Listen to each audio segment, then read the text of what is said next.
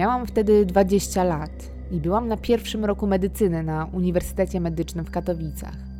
Moi rodzice byli lekarzami, a ja bardzo chciałam pójść ich ślady. Szczęśliwie udało mi się dostać za pierwszym razem i to wspólnie z moimi koleżankami z liceum, Kasią i Martą, z którymi chodziłyśmy razem do klasy o profilu biologiczno-chemicznym. Na studiach też postanowiłyśmy się trzymać razem i wynajęłyśmy mały, szeregowy dom, który był usytuowany zaledwie kilkaset metrów od uczelni. Mogłyśmy wstawać na zajęcia na ostatnią chwilę. Ta noc miała być naszą nocą. Planowałyśmy świętować zakończenie sesji, która kosztowała nas masę nerwów, pracy i zerwanych nocek. Odstrzeliłyśmy się więc jak na wybieg i ruszyłyśmy do centrum, żeby tańczyć do rana w klubie i wreszcie spuścić z siebie to powietrze. Jeszcze przed wyjściem Kaśka, jako ta najbardziej rozrywkowa, nalała nam po jednym szocie rumu na tak zwane rozluźnienie, a Marta w tym czasie zamawiała nam transport za pomocą jednej z popularniejszych w tym czasie aplikacji. Biała Skoda Fabia miała podjechać po nas za niecałe 10 minut, więc oczywiście Kaśka uznała, że wciśniemy jeszcze drugiego szota. No to hop. Chwilę później stałyśmy już lekko rozbawione przed budynkiem i czekałyśmy aż podjedzie nasz biały rydwan – jak sobie teraz o tym pomyślę, to musiałyśmy być bardzo głośno. Nasz sąsiad, który i tak ma wiecznie o coś pretensje, bardzo szybko wyściubił łeb przez okno i dosadnie przypomniał nam, że chociaż jest sobota, to jest już godzina 22 i niektórzy chcą odpocząć w ciszy i spokoju.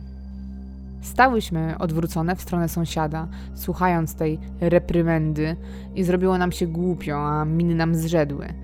Na całe szczęście usłyszałyśmy za naszymi plecami silnik samochodu, a potem oślepiły nas tylko światła auta, które stało i czekało na nas. To nasza podwózka.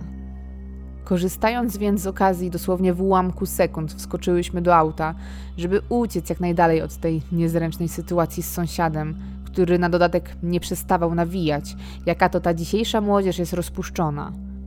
Ja wsiadłam ostatnia i kiedy trzasnęłam już drzwiami, kierowca ruszył z piskiem opon – Dopiero wtedy rozejrzałam się dookoła i zdałam sobie sprawę, że siedziałyśmy w jakimś starym, rozklekotanym kombiku, a na pewno nie w rocznej Skodzie Fabii. Szturchnęłam więc łokciem siedzącą obok Martę i spytałam jej cicho, o co chodzi, bo to przecież ona zamawiała transport.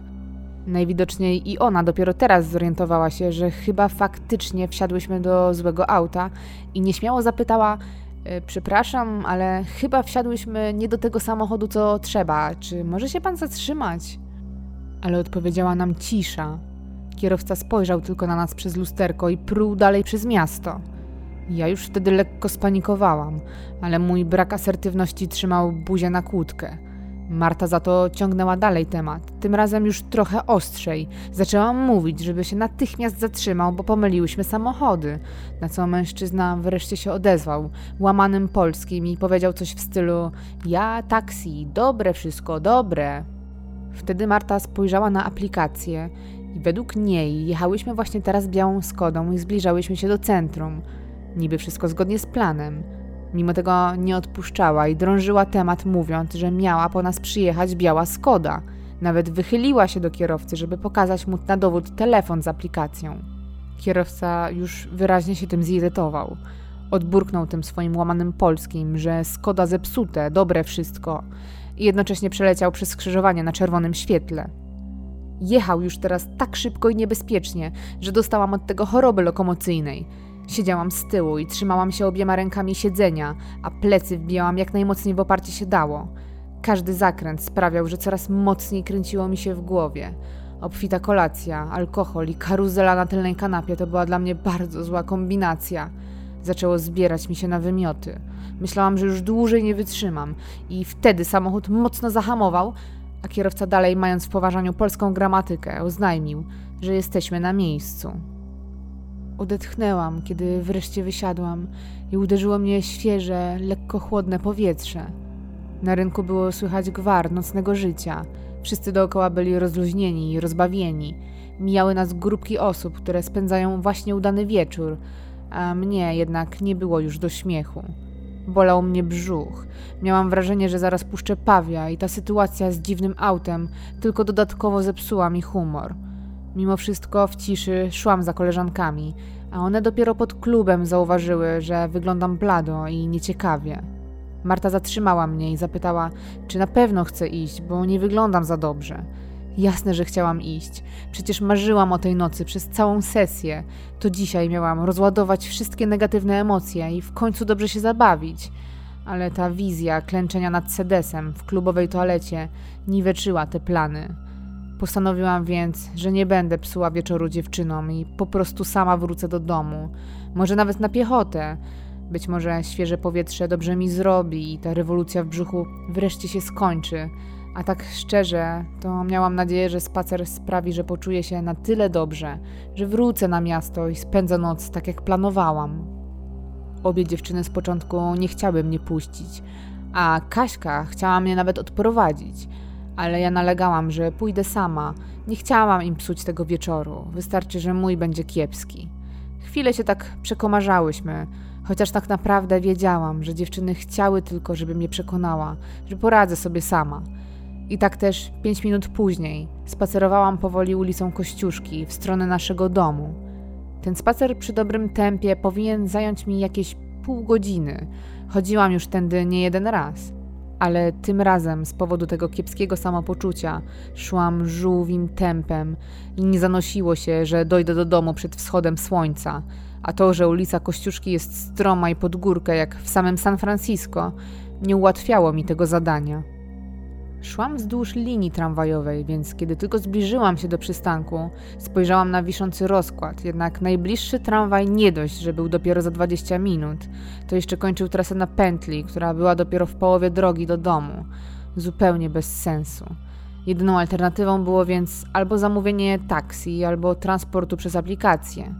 Wybrałam aplikację, bo miałam dość niespodzianek na dzisiaj, a tam mogłam wybrać usługę premium, która zapewniała, że podjedzie po mnie auto z wyższej półki. Z początku system nie umiał znaleźć dla mnie transportu, ale nie poddawałam się jednak i od nowa klikałam guzik Wyszukaj kierowców.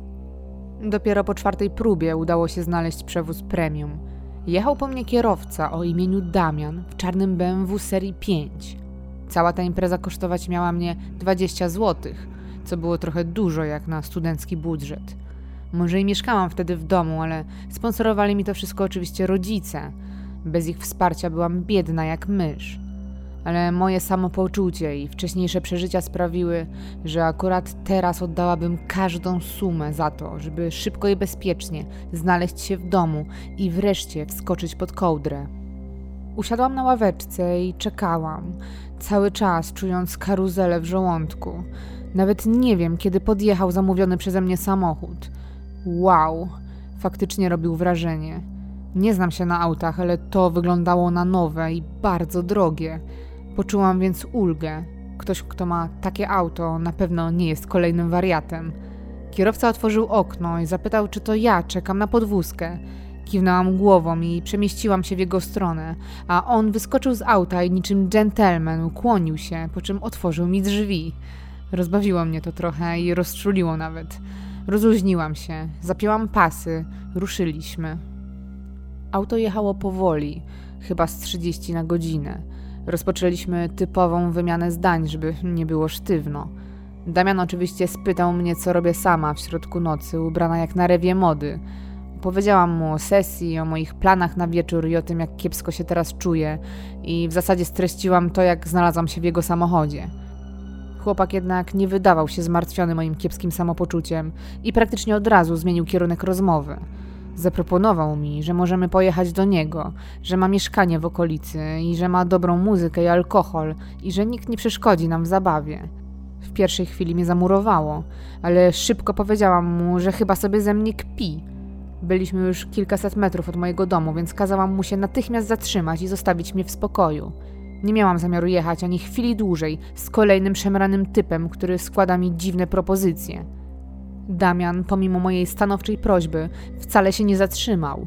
Więcej, przyspieszył lekko i minął mój dom.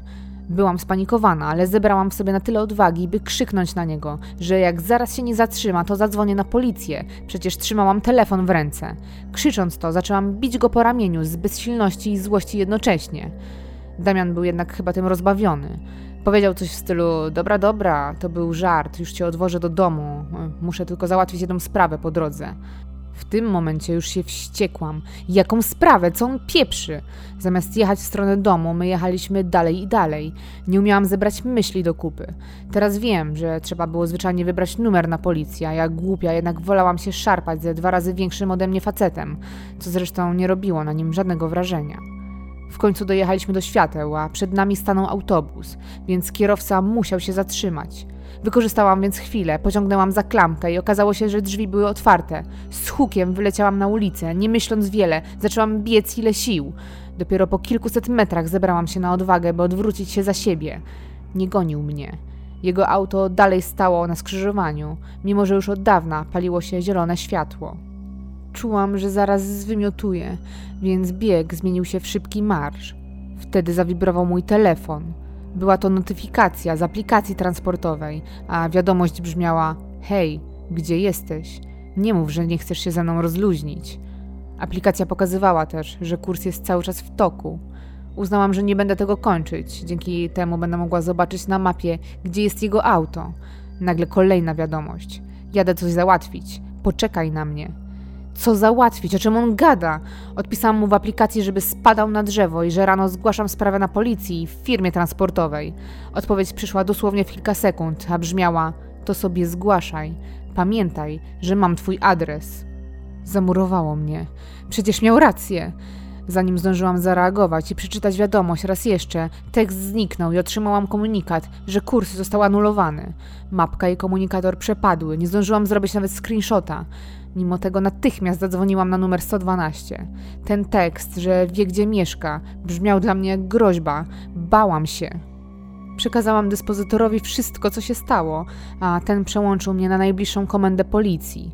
Odebrał oficer dyżurny i znudzonym głosem spytał, czy coś mi się stało. Powiedziałam, zgodnie z prawdą, że nie. Następnie spytał, czy mężczyzna, który mnie niepokoi, jest w okolicy. Powiedziałam, że nie wiem, że go przecież nie widzę. Policjant jeszcze bardziej znudzonym i zirytowanym już głosem odrzekł, że w takim razie co on może zrobić i że i tak nie ma kogo wysłać, po czym rozłączył się bez do widzenia. Co za ham! Zresztą czego ja się spodziewałam? Rok temu pod klubem pobito mojego kolegę, a policja przyjechała po 20 minutach, mimo że posterunek znajdował się 3 minuty piechotą od nas. Poczułam się fatalnie, że muszę radzić sobie sama, kiedy jestem tak roztrzęsiona. Ale jakimś szczęściem udało się i doszłam powoli do domu. Ręce trzęsły mi się tak, że nie umiałam trafić kluczem do drzwi, a gdy tylko ulicą jechało jakieś auto, zalewała mnie fala adrenaliny i strachu. A co jeśli to on? W końcu udało mi się otworzyć drzwi. Weszłam do środka, nawet nie zdejmując butów, od razu zadzwoniłam do dziewczyn, ale żadna nie odbierała. Byłam w takim proszku, że próbowałam nawet zadzwonić do swojego byłego, ale on odrzucił moje połączenia. Nie chciałam być teraz sama, ale chyba nie było dla mnie żadnej alternatywy. Kulminacja nerwów, alkoholu i hamburgera na kolację sprawiły, że mój żołądek w końcu się poddał. Szczerze to ledwo dobiegłam do toalety, żeby zwymiotować. Nienawidzę wymiotować, ale przynajmniej gdy pozbyłam się już wszystkiego, to poczułam się nawet odrobinę lepiej. Na tyle lepiej, żeby skorzystać jeszcze z prysznica. O rany, jaka to była dobra decyzja, tego mi było trzeba. Zmyłam z siebie ten pot, brud i cały stres.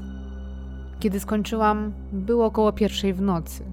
I mimo, że czułam się już lepiej, to jednak wiedziałam, że na pewno prędko nie zasnę po tych wszystkich atrakcjach. Wdrapałam się więc na łóżko, wzięłam laptopa i zaczęłam przeglądać portal ze śmiesznymi obrazkami, żeby zająć czymś głowę. Siedziałam tak z pół godziny, gdy nagle ciszę przerwał dźwięk dzwonka do drzwi. Podskoczyłam ze strachu, wyskoczyłam z łóżka i na palcach poszłam sprawdzić, co się dzieje. Pierwsza myśl, co jeśli to on? Jednak natychmiast zaczęłam sobie to racjonalizować. Pewnie dziewczyny wróciły do domu i zauważyły, że nie śpię. Spojrzałam na zegarek, ale trochę wcześniej jak na nie. Podeszłam na palcach pod drzwi wejściowe i spojrzałam przez wizjer. Serce stanęło mi w gardle. To był on, Damian, kierowca z BMW. W ręku miał bukiet róż i butelkę wina. Chyba oszalał. Nie będę otwierać temu wariatowi w środku nocy. Zaczęłam cofać się po cichu, ale ten musiał zauważyć ruch przez luksfery, bo zaczął wołać mnie po imieniu i szarpać za klamkę. Ciągle wołał, prosząc, żebym go wpuściła, że ma dla mnie kwiaty i niespodziankę, A najstraszniejsze było to, jak uprzejmy i spokojny był jego głos, jakby całkowicie pozbawiony emocji. On zdecydowanie nie mógł być normalny. Jest prawie druga w nocy, a on stoi z kwiatami pod drzwiami obcej dziewczyny, której adres pozyskał jeszcze w lewy sposób. Miałam tego serdecznie dość. Byłam zła i przestraszona jednocześnie. Krzyknęłam, starając się brzmieć poważnie, chociaż głos mi zadrżał. Powiedziałam, że ma natychmiast iść i że sprawa jest już zgłoszona na policji. Wtedy jakby nigdy nic. Odwrócił się i po prostu odszedł. Odetchnęłam. To było łatwiejsze niż myślałam. Stałam tam jeszcze chwilę w bezruchu i czekałam na dźwięk odpalanego samochodu, ale ten jednak nie nastąpił. Z każdą mijającą chwilą czułam, że rośnie we mnie strach i że on chyba ciągle tutaj jest. Pomyślałam, że koniec tego. Czas zadzwonić na policję i niech to oni męczą się z tym wariatem. Odwróciłam się napięcie i skierowałam w stronę swojego pokoju, gdzie podłączyłam telefon do ładowania. Kiedy szłam pustym korytarzem, już prawie byłam w progu swojego pokoju, nagle usłyszałam trzask. To był dźwięk wybijanego okna w salonie. Dosłownie stanęło mi serce. Kiedy odwróciłam się, zobaczyłam, że Damian, już z ręką między wybitym szkłem, próbuje złapać za klamkę okna i otworzyć je od środka. Nie miałam już czasu. Musiałam działać. I gdy on już wspinał się po parapecie, ja z krzykiem wybiegłam przed dom. Nie minęła sekunda, a w oknie sąsiedniego budynku pojawił się mój sąsiad. Czerwony ze złości jak cegła, zaczął wydzierać się, że co się tutaj znowu wyprawia, że on dzwoni na policję. Biegłam w stronę jego domu, błagając o ratunek. Ten zszedł na dół i wydawał się nawet zatroskany. Poprosiła, żeby mnie wpuścił do środka, co też zrobił. Wtedy wytłumaczyłam mu, że ktoś włamał się do mojego domu, a sąsiad, słysząc to, natychmiast kazał swojej żonie, która stała tam w szlafroku, zadzwonić po policję. Sam wziął pałkę teleskopową, którą trzymał w szafie, chyba właśnie na takie okazje, i udał się w stronę mojego podwórka. Pan Marian był emerytowanym milicjantem, więc mimo swojego zaawansowanego wieku był duży i groźny i na pewno dałby radę takiemu chudemu młodzieniaszkowi. Zanim jednak dotarł do mojego domu, wszyscy usłyszeliśmy pisk opon i ryk silnika, a potem zobaczyliśmy pędzące BMW. To mój oprawca najwyraźniej uciekł. Pan Marian wrócił do domu i powiedział, że poczekamy na policję i że dopóki nie sprawdzą domu, to na pewno nie puści mnie tam z powrotem. Policja pojawiła się dopiero po 20 minutach. Przeszukali cały dom, aby upewnić się, że nikogo w nim nie ma, a potem zabrali mnie ze sobą i sprawdzaliśmy razem, pokój po pokoju, czy przypadkiem nic nie zginęło. Jedyne co nie grało, poza oczywiście stłuczonym oknem, to to, że mój telefon leżał na podłodze, odłączony od ładowarki, a z szuflady z ubraniami zniknęła część mojej bielizny. To było obrzydliwe. Już nabrałam pewności, że to był jakiś psychol. Moje współlokatorki wróciły do domu koło trzeciej nad ranem. Na miejscu wciąż była jeszcze policja, a ja dalej się trzęsłam. Gdy opowiedziałam im, co zaszło, były w szoku. Kaśka zarzucała sobie, że mogła mnie jednak odprowadzić. Miała ewidentne wyrzuty sumienia. Ja natomiast nie miałam już do nikogo pretensji. Było mi lżej, że nie jestem sama. Policjanci obiecali też, że jeden radiowóz będzie stał pod domem do samego rana, a później ktoś ich zmieni. Wszystkie byłyśmy padnięte. Dziewczyny po całej nocy tańczenia, a ja po nocy z horroru, jaki zgotował mi kierowca Damian. Poszłyśmy spać w pokoju Kaśki.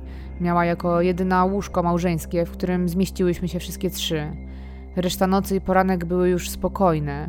Rano radiowóz odjechał, ale na jego miejsce nikt się już nie zjawił. Mogłam się tego spodziewać. Ja za to stwierdziłam, że nie będę tutaj dłużej przebywać i dla swojego bezpieczeństwa i zdrowia psychicznego wyjadę na jakiś czas do rodziców, którzy mieszkają na wsi. Koło południa zadzwonił do mnie dzielnicowy, aby umówić się na złożenie zeznań, a chwilę później przyjechali moi rodzice, którzy właśnie dowiedzieli się o całym zajściu i byli bardzo zmartwieni. Ustaliliśmy, że resztę wakacji faktycznie spędzę u nich w domu, bo tam będzie bezpiecznie i nie będę nigdy sama. No i przede wszystkim z dala od wszystkich świrów i zgiełku miasta. Przez kolejne tygodnie wakacji mieszkałam sobie spokojnie w swoim starym pokoju. Było sielsko, nie musiałam się o nic martwić, było zawsze jedzenie w lodówce, a pogoda była piękna. Czas spędzałam na spacerach i wycieczkach rowerowych, a wieczorem tata robił grilla. Kasia, Marta i inni znajomi odwiedzali mnie co jakiś czas. To były prawdziwe wakacje, takie jak z dzieciństwa. Sielankę przerwał list z prokuratury okręgowej w Katowicach o umorzeniu sprawy z powodu niewykrycia sprawcy. Okazało się, że samochód, którym poruszał się Damian, jest nie do namierzenia, a konto w aplikacji transportowej zostało założone w oparciu o podrobiony dowód. Nie było świadków, nie było śladów, nie było żadnych poszlak. Sprawa została zamknięta, winnych brak.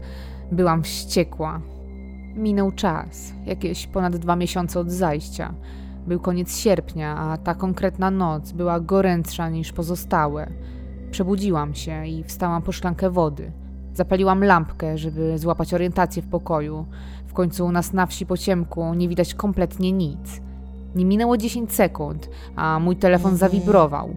Pomyślałam, że to pewnie moi rodzice, którzy postanowili się zameldować, bo pojechali na grilla do sąsiedniej wioski. Spojrzałam na wyświetlacz, ale wiadomość była od obcego numeru. Nie znałam go. Hej, kochanie, czemu wstałaś? Serce stanęło mi w gardle i zanim wzięłam oddech, przyszła kolejna wiadomość.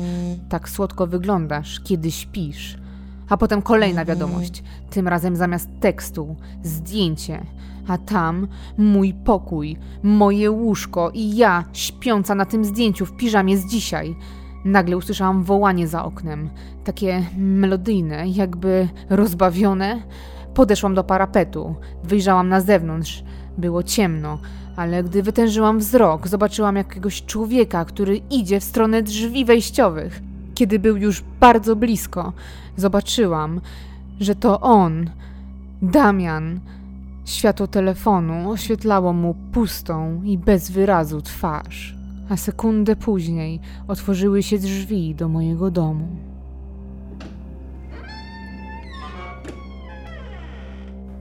Ha ha ha!